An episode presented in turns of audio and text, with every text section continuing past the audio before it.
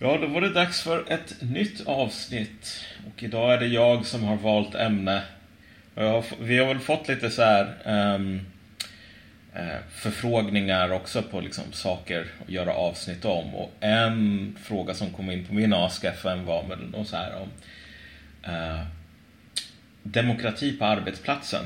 Och det kommer vi nog att göra ett avsnitt om framöver faktiskt. Har väl bara lite så här material att sammanställa och sådär som jag håller på med och påta mig själv. Utöver det så har vi också ett avsnitt om extremism som jag ska bara redigera klart som vi kommer släppa. Vi spelade in det eh, vad var det, två veckor sedan tror jag. Okej, okay, ja. Um, ja, men uh, Just det, där uppdatering om Swish också. Just det, vi har börjat få in lite kulor nu på, på Swish-kontot. Det är jävligt nice. Fortsätter i den här takten då kan vi ju fan nästan garantera att vi inom en ganska snar framtid, om vi ska säga så här eh, start januari 2016 kan börja släppa två avsnitt i veckan förutsatt att det fortsätter så här. Ehm, jag har fibblat lite med Patreon också, jag har inte riktigt hajat hur det funkar men vi får återkomma om det. Um, det vi kommer använda Swish till, till att börja med är att se till att vi får en ordentlig STIM-licens. Uh, så då kan man kasta in vilken jävla musik som helst i princip och sen bara då kommer avsnitten gå snabbare. Um, så det är, det är jävligt nice att folk har, har börjat skicka in.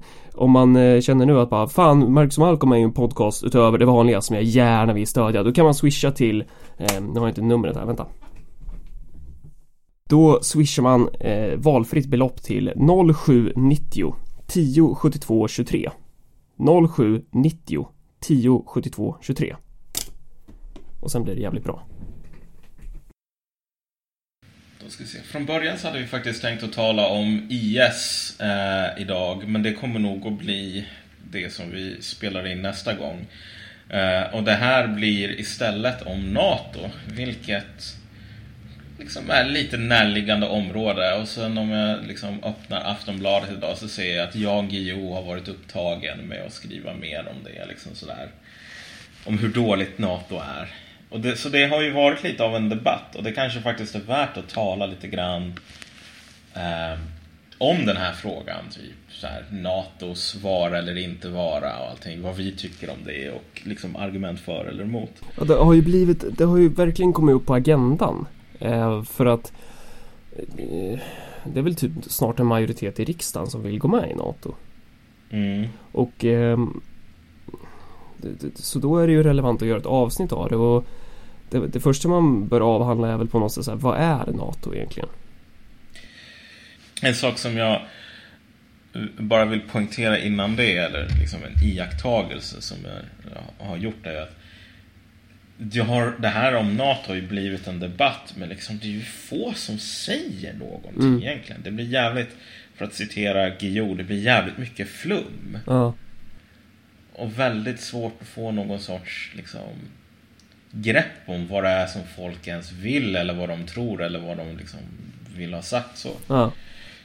Men precis som du säger, får börja med liksom vad NATO är på något plan.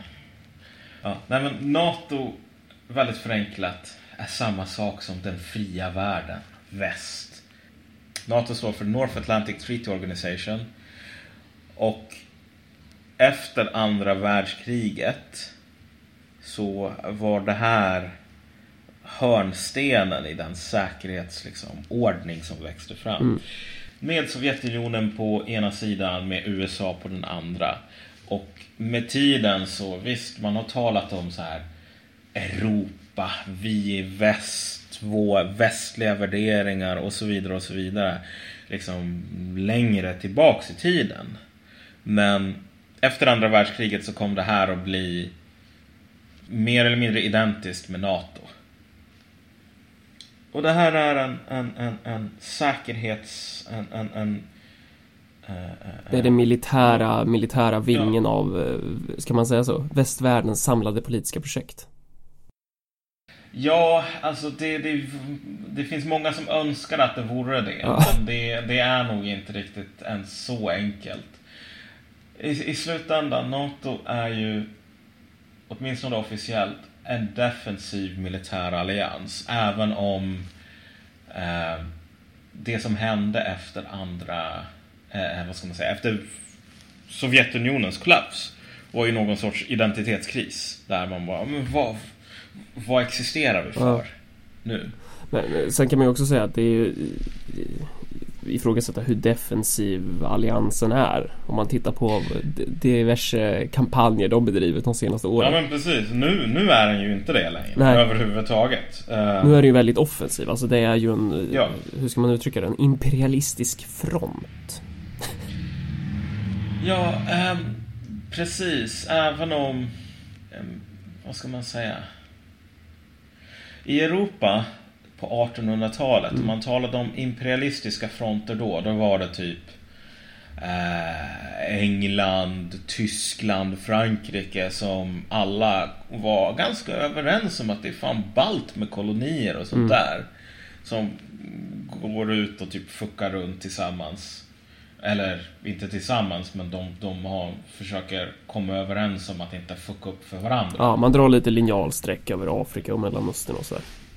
Ja, det är inte så NATO funkar överhuvudtaget. Det är så här USA som gör sin grej och sen så... Eh, du vet. Så kan man antingen vara med om man vill vara en god soldat, en god allierad. Eh, Nederländerna är ju liksom per praktexemplet här. På, på det här lilla skitlandet som hoppas kunna vara jätteviktigt och, och ha profil och så vidare genom att skicka ett par F16-plan eh, ner till någonstans i Mellanöstern. Ja, Danmark har ju också varit eh, liknande exempel som skickar en ubåt eller någonting sånt. Ja, men precis. Alltså, de, här, de här insatserna de är ganska patetiska. Ja. Ehm, det, är inte, det är inte någonting som... Alltså, USA ser det här som ja, men kul PR-grej ungefär. Men, men det här är inte en seriös...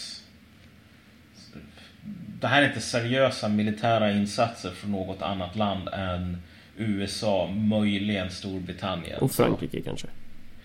Ja, men, men, men det stora problemet här är bara att det är en sak att försvara eh, sitt egna land. Det är en helt annan sak att skicka över liksom, arméer till andra delar i världen. Så att typ, Kina kan inte eh, skicka över hur många plan som helst till Mellanöstern. så. Väldigt få länder kan göra det. Och Liksom, Danmark, visst de kan skicka en ubåt eller något sånt. Men oftast så är det eh, Oftast så, de här mindre NATO-länderna kan oftast bara hjälpa USA med USAs hjälp. USA måste skänka dem den logistiska kapaciteten att liksom skicka ner vapen och liknande.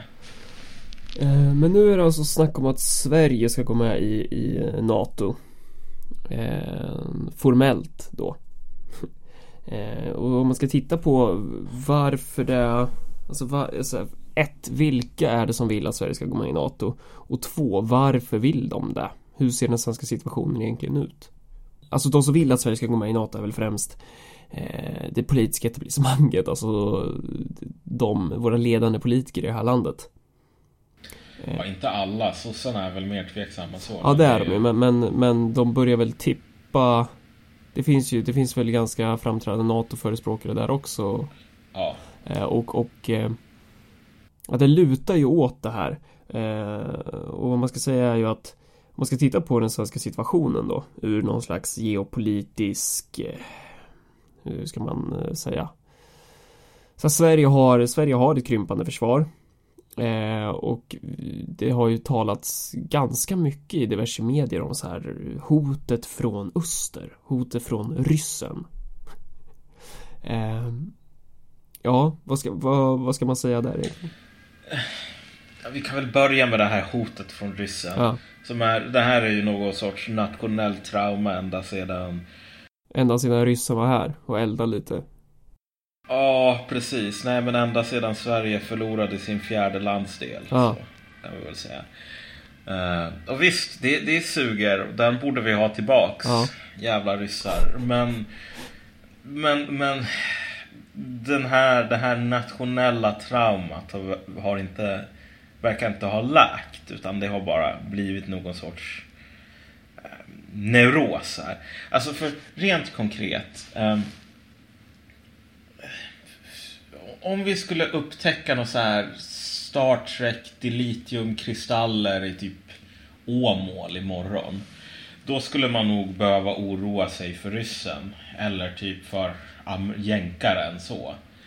Eh, men nu bor vi inte i något Star Trek-universum. Det finns inte så himla mycket i Sverige som är så himla liksom värt att dö för.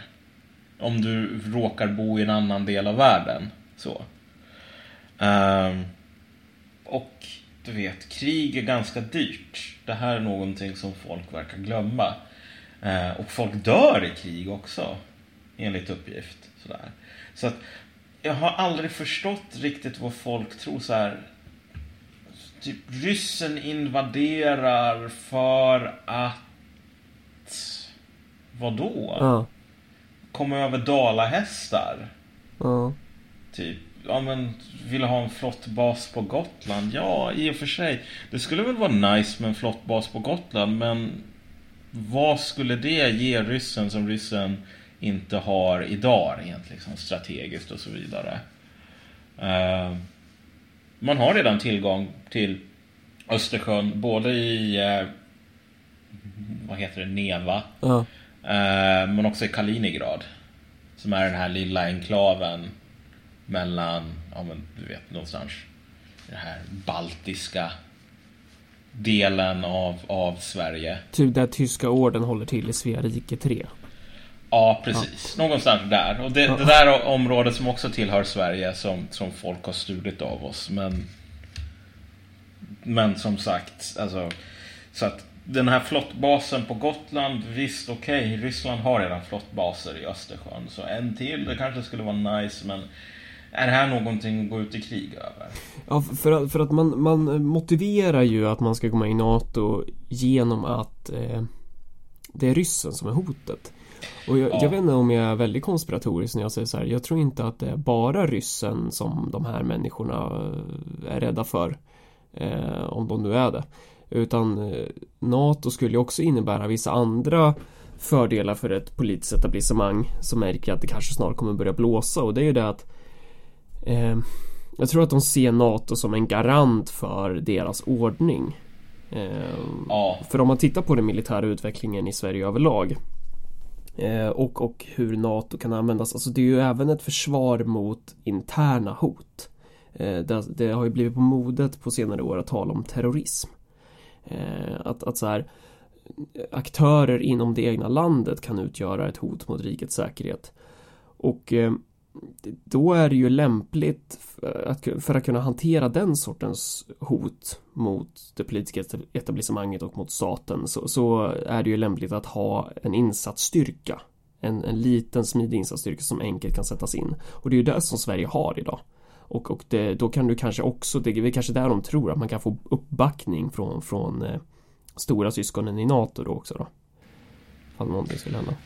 Ja, det där, är nog, det där är nog en faktor, men jag tror att överlag så är nog det en relativt liten. Ja. Därför att, du vet, vi, varför skulle man behöva militär här när man har NSA och alla de här spion... Ja. Liksom, och Mona Salin. Så. ja. Um, så, så det, det, där är nog en faktor. Jag tror att det är en relativt liten. Ja. Men det som du säger med att det här NATO är en garant för ordningen mm. med någon sorts stort O är sant till 110 procent. Men i ett mycket större... Om man säger så här man märker att bara, men vi, vi behöver ha lite ordning och reda för snart kommer det börja blåsa i Sverige. Mm. Och det man gör då är väl att man surrar sig fast vid masten på skeppet. Och tror att man ska kunna tackla stormen på bästa sätt på så sätt, typ. Ja, ja, ja precis. Ja, det tror jag verkligen är fallet. Jag tror inte att det är så att du har folk som tänker ja men vet du vad, snart så kommer det att bli riktigt jävla mycket eh, så här. Kommunister. Ja, precis. Och nu måste vi, nu måste vi gå med i NATO ja. så att vi kan typ skicka F35 plan på dem. Jag tror att det har mycket mer att göra med att Kommer du ihåg, om jag, att hoppa lite grann, kommer du ihåg lite grann argumenten kring EMU? Ja. Det var väldigt mycket så här. Eh, mycket bullshit rent, rent om jag ska vara, liksom, om du får ursäkta min franska här. Så här, vi ska gå med i EMU för att tänk, det blir så himla roligt. Vi kommer inte behöva växla pengar. Ja. Om man ska åka på semester. Bara, men det här är inte ett seriöst argument. Men i slutändan, alla som var så himla för EMU och det, det förvånar mig att sådana här liksom, människor som Johan Schuck kan hålla på och säga när EMU håller på att falla sönder att det här är framtiden. Typ. Det finns inget alternativ. Sverige kommer att gå med förr eller senare. Mm. Men det är ganska talande.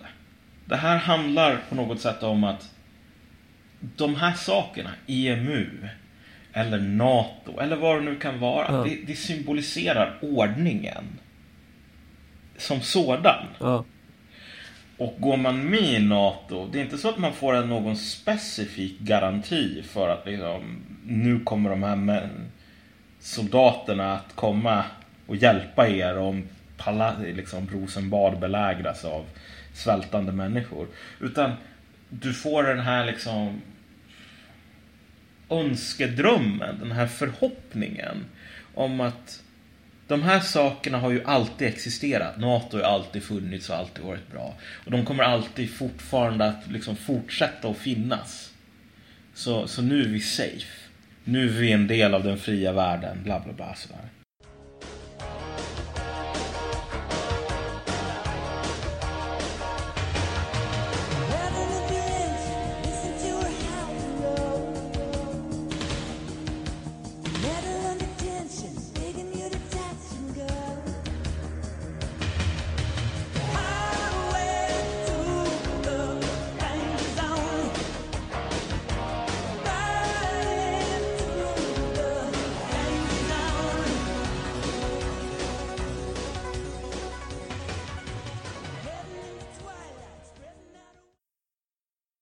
Då kan man ju så ställa sig frågan om man glider in på det så här, okej okay, men vi ska gå med i NATO men är vi inte redan typ med i NATO och har varit det under väldigt lång tid? Alltså så informellt. Ja. Om man tittar på till exempel vad är det eh, FRA, vad är deras eh, huvudsakliga syssla?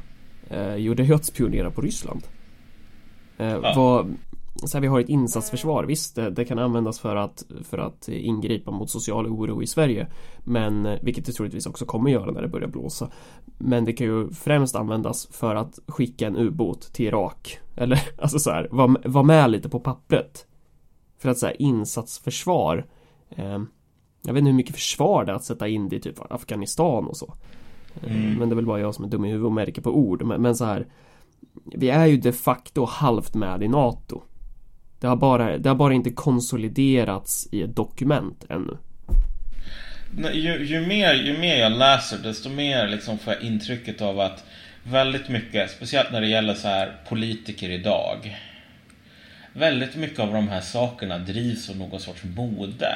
Typ idag så är jättekola grejer det här med specialstyrkor.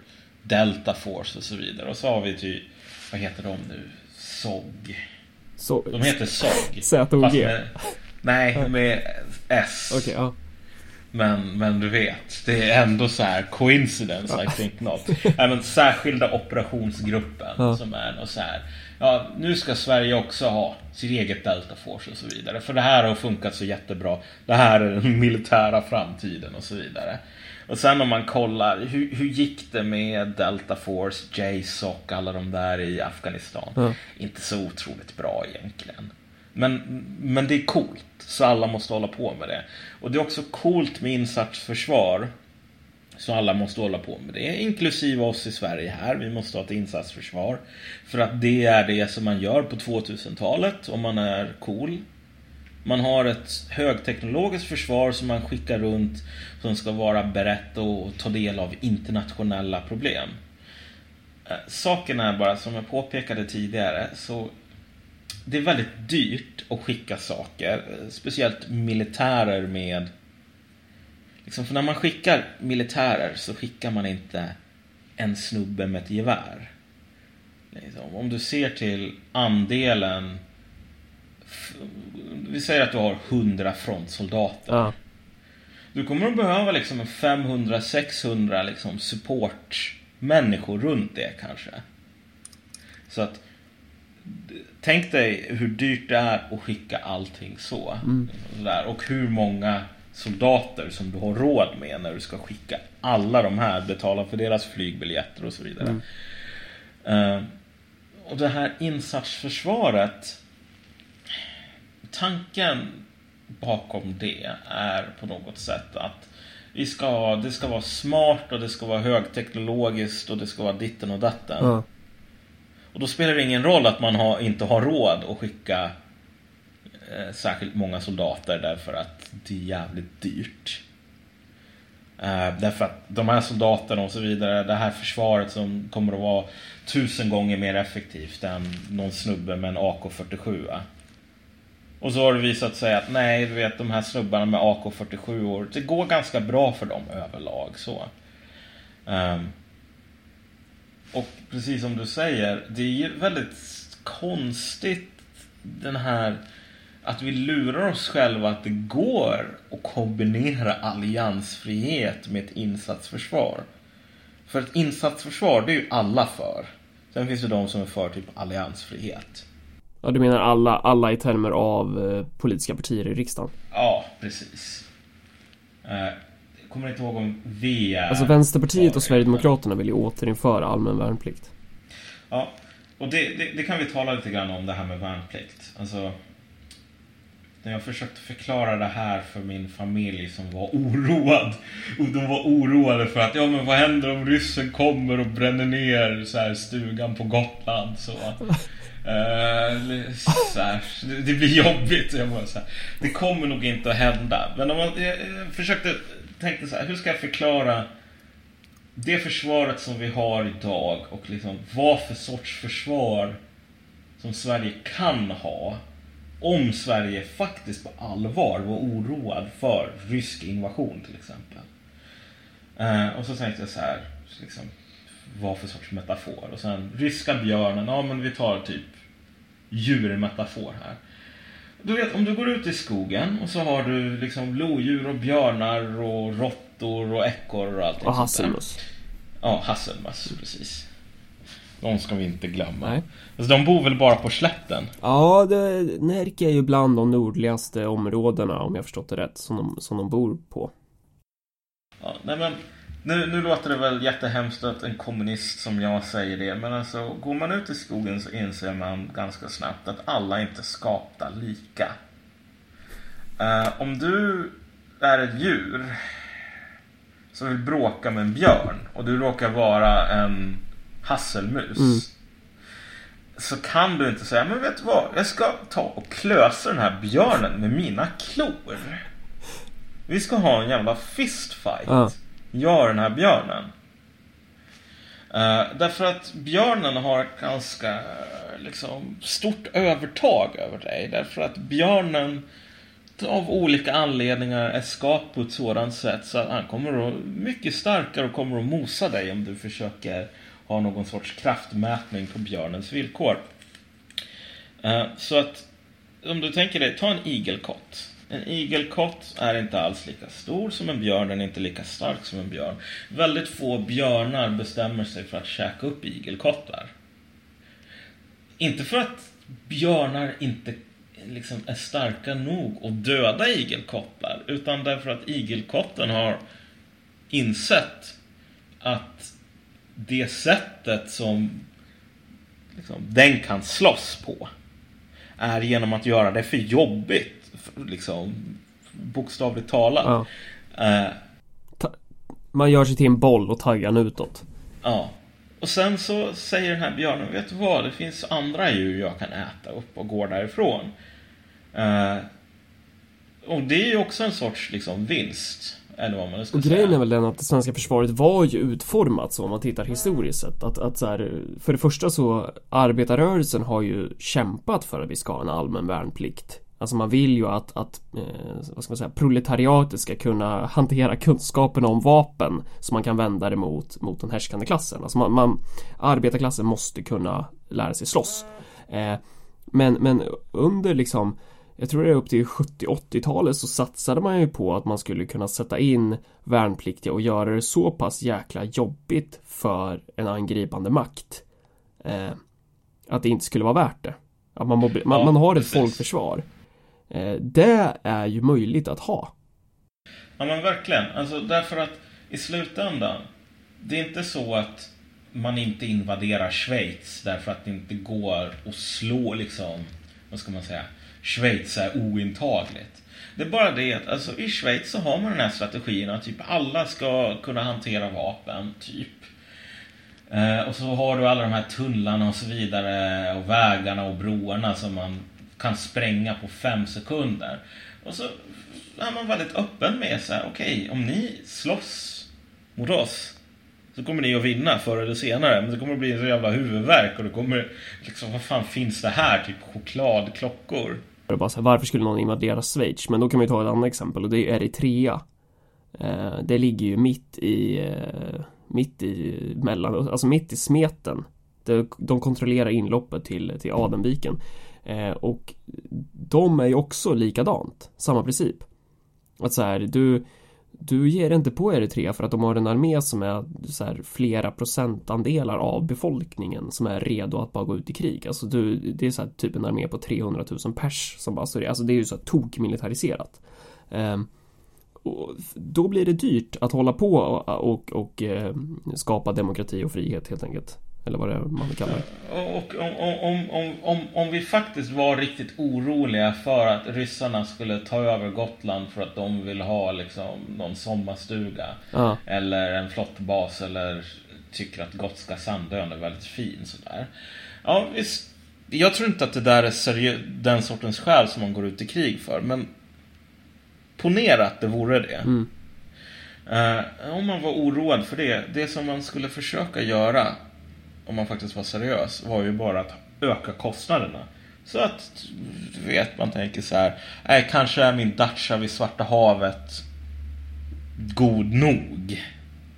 Jag behöver inte en sommarstuga på Gotland också, därför att det kommer att bli för dyrt. För många människor kommer att vara tvungna att dö. Så.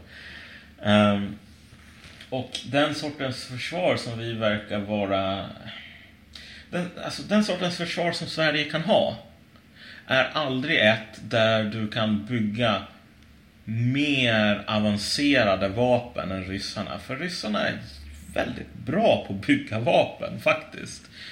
Um, det, det, det, där är någonting som är en stor huvudvärk för USA i Mellanöstern idag. Sådär. Uh, så att vi kan inte bygga dyrare, liksom, mer avancerade vapen och ha fler än vad ryssarna kan. Vi kan inte ha en armé som bygger på att vara mer högteknologisk, mer liksom elit, bla bla bla. Därför att det här är ett land med 8-9 liksom, miljoner invånare som lägger ganska... Uh, och det är ju så här, vad ska man säga? Så på frågan så här, är NATO lösningen på Sveriges problem? Nej. Nej. Verkligen inte. Och de, den frågan måste ju också ställas så här utifrån vem som ställer den förstås. Att ja. så här, Eh, därmed inte sagt att så här, Ryssland aldrig skulle lägga sig i en, en situation i Sverige. Eh, man kan tala om direkt krigsföring och det är ju det vi gör nu. Så här, eh, en rysk invasion, för det är ju det som folk, eller folk, det är ju det som de här nutterna på ledarsidorna håller på och, och eh, sprider paranoia kring. Alltså ja. den här rysskräcken. Ja men de kommer komma, de kommer marschera in och så bara spela sån här eh, Vad heter det? Vad heter, fan heter det där spelet? Vi har ju spelat den i podden förut. Hellmarch. Red alert, ja, Red alert, den musiken spelas i bakgrunden bara så här ryssarna kommer marschera in. Um, men nej, det där kommer inte hända. Däremot uh, kan ju Ryssland, precis som vilken annan civilization, eller precis som vilken annan aktör i det här i världen utnyttja den politiska situationen i ett land och, och understödja subversiva aktörer.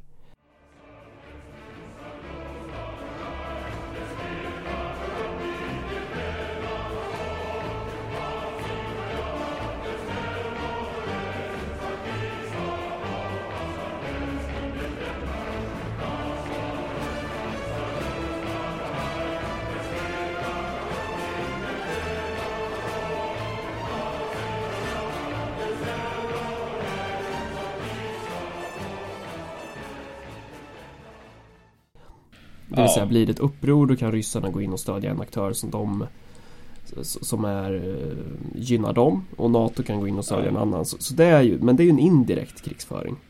Precis, och det där är ju ingenting som kommer Den där kalkylen ändras ju inte för fem öre av NATO-medlemskap Nej, alltså, ja, jo den ändras ju i termer av att det kanske snarare blir mer intressant för ryssarna att, att eh, gå in och stödja subversiva krafter ifall Sverige skulle vara med i NATO än om Sverige inte skulle vara det. Förstår du? Att så här, Ja, till, till någon mån ja. ja, men alltså samtidigt så Ja men om, om vi, leker, om, vi vänder, om vi vänder på det då. Eh, och så här, om Sverige skulle vara allierade med Ryssland Då skulle ju NATO vara mer intresserad av att gå in och stödja subversiva krafter. Ja, nej men precis. Eh, jag, tror, jag tror att eh, det, det är rent Du vet, det, det, det finns en väldigt stor opportunism här. Ja. Så Uh, jag tror de flesta länder, om de kan stödja någon i något annat land som kommer att ge dem liksom en bra deal, ja. kommer de att göra det. Sen kan man ställa sig frågan om ryssarna är så här, sådana som inte är passiva opportunister utan som är aktivt försöker liksom understödja sådana här saker. Och där måste man nog säga att idag så är svaret nej. Det kan nog ändras med tiden kanske.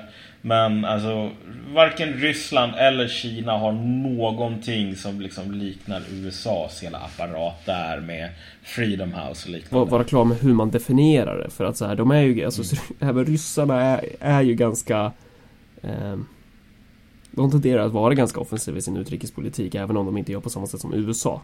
Men så här, men det ja, där... nej, jag, jag, talar om, jag talar om infrastrukturen för att jag vet inte vad, få till någon sorts color revolution okay, ja, i ja, något förstår. land. Då har jag... du vet, det har ryssarna ingenting i jämförelse med liksom, amerikanerna. Som lägger tiotals miljarder liksom, varje år på det där. Eh, Rysslands budget är den finns väl säkert. Ett par miljoner lägger de väl, men ja. inte, inte den sortens summor. Och sen um. har vi en annan grej angående det här med att gå med i NATO.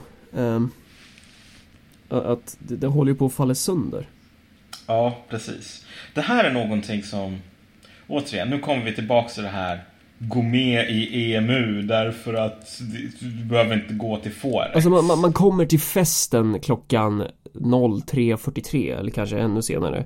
Um, folk ligger däckade i sina egna spyor. Polisen har varit där, konfiskerat den sista smuggelvodkan. Uh, mm. och, och, det är så här. Det är bara så jävla dåligt. Folk slåss, typ. Så här, mm. det, det, det är fruktansvärt. Så är det att gå med i NATO idag. Ja, precis. Jag är verkligen inget stort fan av NATO. Jag tycker att på ett plan jag eh, kommer ihåg, jag läste Jan Guillou har ju skrivit väldigt mycket om det här nu på ja. senaste tiden. Då var det väl den här artikeln innan den, innan den som är nu eller något sådant. Så det var så här, ja, NATO de har blod på sina händer och typ ska Sverige hålla på att vara med och liksom bomba i Libyen och så vidare. Och där kan man väl säga så här, ja okej, okay, nej, det är väl inte så himla balt och typ NATO det är väl ingen så här schysst eller god organisation och mm. sådär. Men jag tycker att även om det nu vore det. Mm. Även om sådana här saker fungerade liksom som typ det finns snälla äh, militärallianser och sen finns det dumma sådana. Så det är inte en bra idé överhuvudtaget. Alltså även på dess egna premisser. Eftersom att då blir, alltså Sveriges sak blir USAs och USAs sak blir Sveriges. Precis, det är just den sista biten där som kommer att vara jävligt tricky för oss. Um, så att om nu ryssen faktiskt inte kommer att invadera Gotland så det, rent det säkerhetspolitiska läget kan ju faktiskt bli värre gentemot Ryssland. Uh, själva akten av själva akten att gå med i NATO Därför att så som NATO ser ut så här har du liksom en sak som gör NATO väldigt svagt på ett plan. Att alla de här länderna, det finns en liksom, är du med i NATO då är du tvungen att försvara liksom, vilket annat land som helst i NATO som blir angripet. Och det blir genast mycket mer intressant för storebrorsan i NATO att hålla koll på att vasallen förblir vasall. Ja, precis. Men, men saken är också den att USA har väldigt lite intresse av um, att försvara vissa av de här länderna. Ja, ja absolut, absolut. Um, det, det, du vet, vill man dö för Litauen? Ryssland har typ tusentals kärnvapen. Om du, om det faktiskt vore så att ryska trupper kanske gick in, det var någon sån här liksom incident typ. Du skulle säkert ha massor med människor som typ John McCain och liknande, kanske. Som håller på att skrika om nu ska vi liksom hålla på att gasta efter blod typ. Tror du amerikanska människor som inte ens kan hitta Litauen på kartan kommer att säga så här. Det här är ett jävligt viktigt land som vi tycker att det är helt värt att eh, riskera ett kärnvapenkrig. Jag tror definitivt du kommer hitta många amerikaner som tycker att, tycker att Litauen är nästa land att invadera. Du, har, har, du inte sett den där australiensiska sketchen? Nej. Nej men då, det är några australiensare som bara går runt i USA och så har de med sig en jordglob och så har de satt sig olika namn på länderna typ. Så det står typ så här Australien över Iran och sådär. Och så frågar de bara folk så här, ah, vilket land ska vi invadera härnäst? Och folk bara så här, ah fan Iran, Nordkorea och sen ska de sätta ut den här eh, var Nordkorea eller Iran är på kartan och de misslyckas ju hela tiden. Det är kul.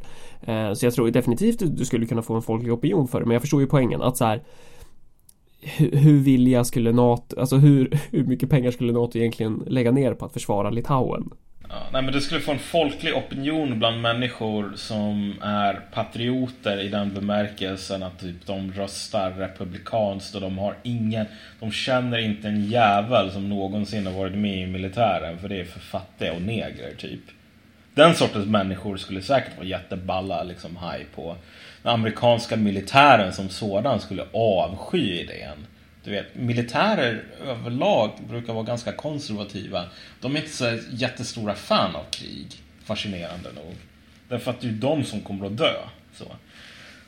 Men, men okej, okay, så att vad, vad har vi sagt här egentligen? Jo, det första problemet med NATO här liksom, är att det håller på att falla sönder. Det är bara så här att den här expansionen som har skett nu har inte skett i, i takt med någon sorts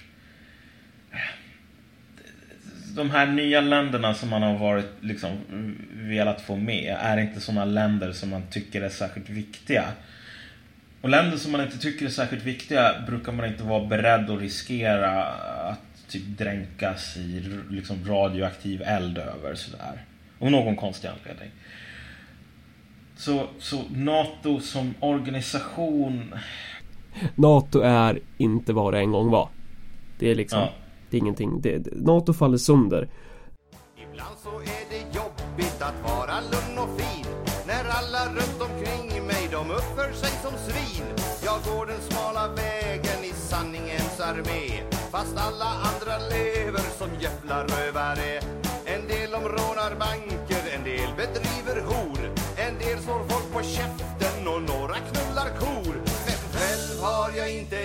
någonting, jag bara runkar. Och än så länge kan man inte åka fast för det. Uh, utöver det Eh, anledningen till att vi inte klarar av att försvara oss själva beror ju inte på NATO utan det beror ju på utformningen av vårt försvar. Och här har vi en sak till som, som måste nämnas här och som man kanske kan gå in på ett par minuter sådär. Just på grund av att det finns så här, om man läser typ DN och så vidare så är det så här. Sverige, vi är kompisar med USA. Uh, väst, den fria världen, det är ett kompisgäng typ. Det är den här verkligen liksom ganska slentrianmässiga förhärligandet av, av USA. Som jag antar motsvaras av något så här slentrianmässigt liksom demoniserande av USA som den stora satan från så här Twittervänstern typ. Um, eller Twittervänstern här. Tillsammansvänstern kanske vi kan kalla det. Ja, det, ja, det är ju knappt så alltså. Ja. Nej men du vet, okej. Okay. Så ena säger USA den stora satan, den andra säger USA bäst, finast, störst, vackrast, bla bla bla. Här har du grejen. NATO utan USA är ett totalt jävla skämt. Um, de flesta länderna i NATO lägger ner typ lika mycket pengar liksom kanske inte riktigt lika mycket pengar som, som Sverige. Men du vet, alltså när Sverige säger så här, ja vi har nog med militär för att försvara en plats i en vecka mot ett angrepp från ett håll. Det där är, du vet, alltså så här, se på Europa, se, se oss omkring. Det går inte så jävla bra för de flesta ekonomier så. Eh, så att idén om att man skulle lägga ner jättemycket pengar på militär är inte så här superhögt uppe. Den är inte så himla populär. Så att, du vet, NATO funkar bara om USA kommer in med sin liksom stora kanon här. Problemet är att USA är ett land överlag som är på, och jag menar inte det här som någon sorts polemik, typ USA, stora ondskan så. Jag menar bara rent konkret krast så är USA ett land idag som är på allvarlig, allvarlig, allvarlig eh, militär ekonomisk dekis. Det här är ett land som i praktiken är konkursmässigt. Eh, men som kan fortsätta betala räkningarna därför att räkningarna eh, är satta i en valuta som man själv kontrollerar. Um, alltså typ alla runt om i världen behöver dollar mer eller mindre. Vilket betyder att om du trycker dollar så kommer det alltid att finnas någon som behöver de här. Um, så att om det där, den situationen skulle ändras. Vi säger så här. Om USA skulle vara tvungen att betala sina skulder i typ rubel eller pund eller kronor eller vad som helst. Vad som helst som inte var dollar så skulle man vara tvungen att ställa in betalningarna imorgon. Alltså direkt. Så det där är den första grejen. Alltså att rent ekonomiskt så går det väldigt dåligt för USA. Um, och väldigt, det, det, finns liksom exempel genom historien på så här stora imperiemakter som um, har gått i konkurs mer eller mindre. Den stora grejen som händer då är att de slutar vara imperiemakter typ. Och ett exempel på det där som illustrerar alltså det skeendet är ju det här hangarfartyget. Ja, precis. Ja, jag, jag länkar det till dig. Um, Eh, Eh, jag vet inte riktigt, men, det, men det, grejen är typ så här att eh, USA utvecklar en ny modell av hangarfartyg som är mycket dyrare och mycket coolare typ. Men det är typ sämre. Ja, precis. Alltså det där är... Vi, vi kan ta det här exemplet så får någon så här militärnörd i, i, i, i publiken säga så här. Åh, herre du, du, du tog fel på siffran här eller någonting sådant typ. Vet hur militärnördar är. Men vi kan ta det här, inte för att hangarfartyg i sig är så otroligt viktiga, utan för att just det här är ett så himla vackert exempel på alltså hur den här imperiernas cancer ser ut i sista skedet. Liksom, när det är för, för sent att göra någonting åt det. Okej, okay, alltså USA har sådana här jättestora hangarfartyg. De har de största hangarfartygen i världen. De har också flest hangarfartyg i världen. Eh, och den, eh, den, den, tidigare modellen, den tidigare klassen kallades för Nimitz-klassen. Eh, som är de här hangarfartygen typ John F Kennedy och alla de där. Eh, de kostar typ 4,5 miljarder dollar per styck. Och har typ besättning på tusentals personer. Och den här siffran 4,5 miljarder dollar är ju självklart utan flygplan och allting sånt. Så att ett hangarfartyg är jävligt mycket dyrare än så egentligen. Um, och nu så säger den amerikanska flottan att visst, de här hangarfartygen kanske funkar, men nu ska vi ha nya. Och den här nya klassen som de håller på och bygger heter uh, Gerald R. Ford-klassen. De här hangarfartygen kostar typ en mer än dubbelt så mycket än de gamla. Så här över en 10 miljarder dollar. Det är ganska mycket pengar så. Um, och typ poängen med de här nya hangarfartygen, anledningen till att man uppgraderar dem, det är att man ska... Man vill få... Man vill få bättre fartyg. Och bättre hangarfartyg betyder typ mer att du kan... Du kan slunga upp de här planen i luften lite oftare. Så att per plan så kan du få liksom fler uppdrag per dag ungefär. Um, och så har du...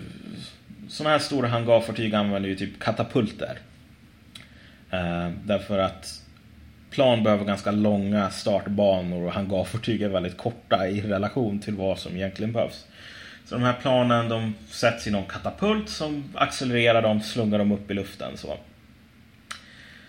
Uh, det här nya hangarfartyget skulle ha någon ny jätteball katapult som skulle göra att man kunde liksom få 10% mer uh, uppdrag liksom, eller något sånt. Det skulle gå fortare att skicka upp flygplan i luften. Det, det var så man sålde in det här hangarfartyget.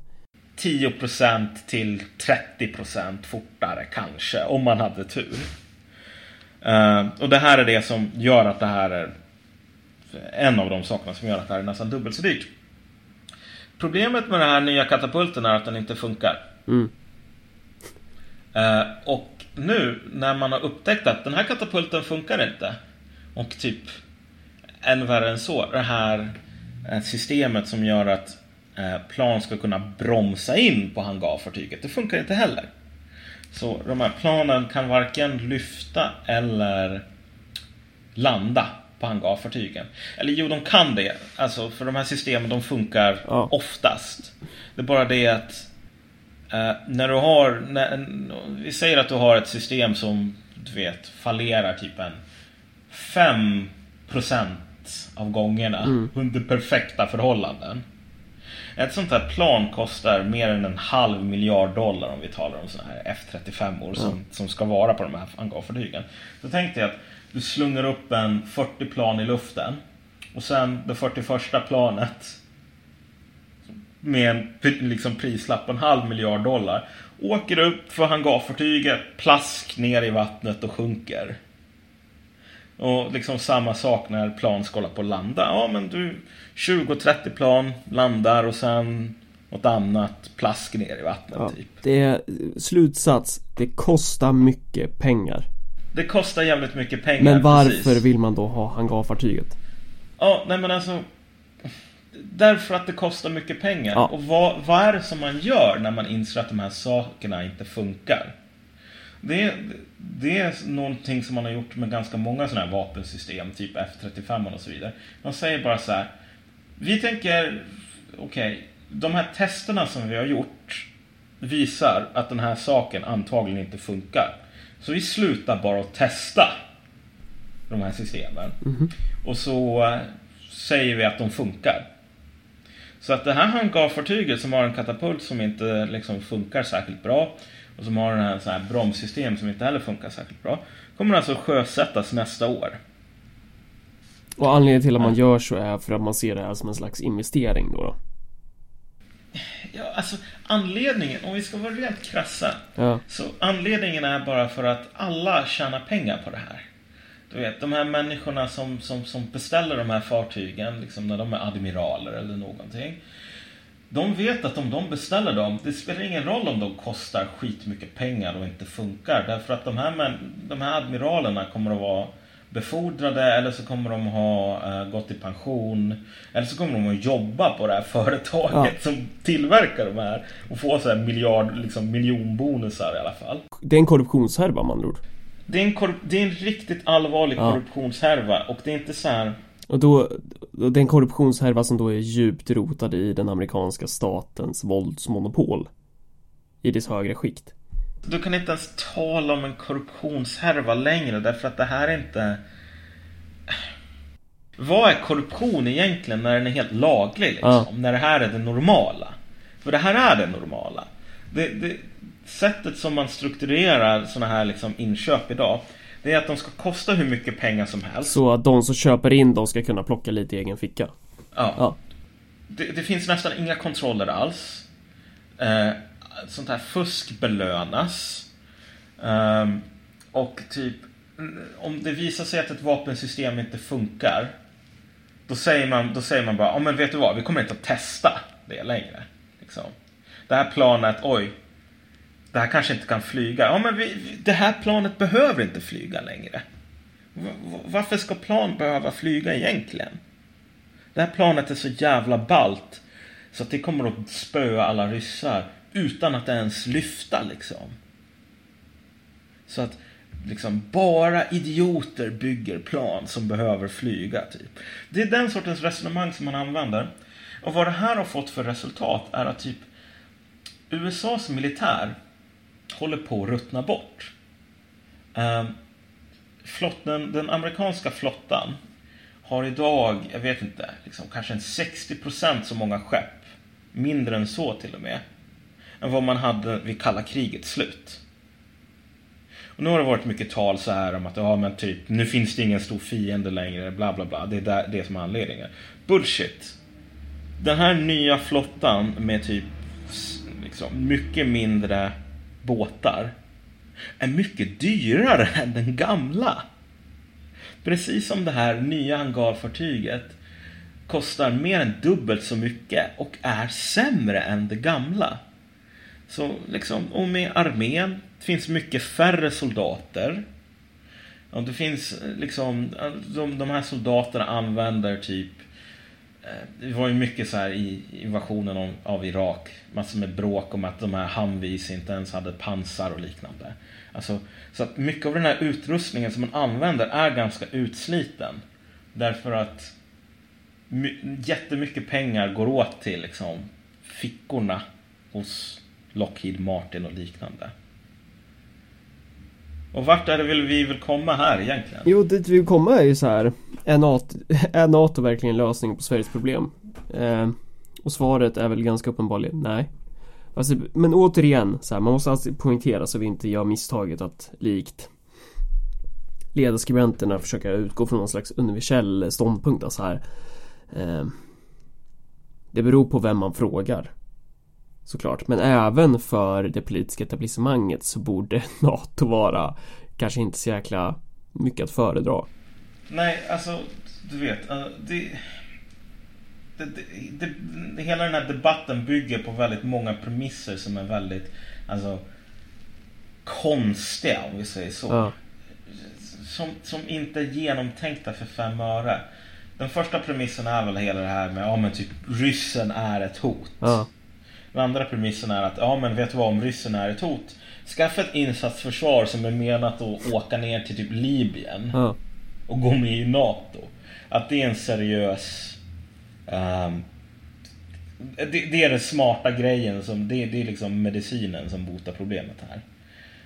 Den tredje premissen eh, och här inkommer lite det här hangarfartyg och liknande är att USA är starkt nog att kunna vilja hjälpa till om det faktiskt blir problem. Det finns väldigt lite som talar för det faktiskt. Alltså, det här kanske vi kommer att göra ett avsnitt om um, framöver.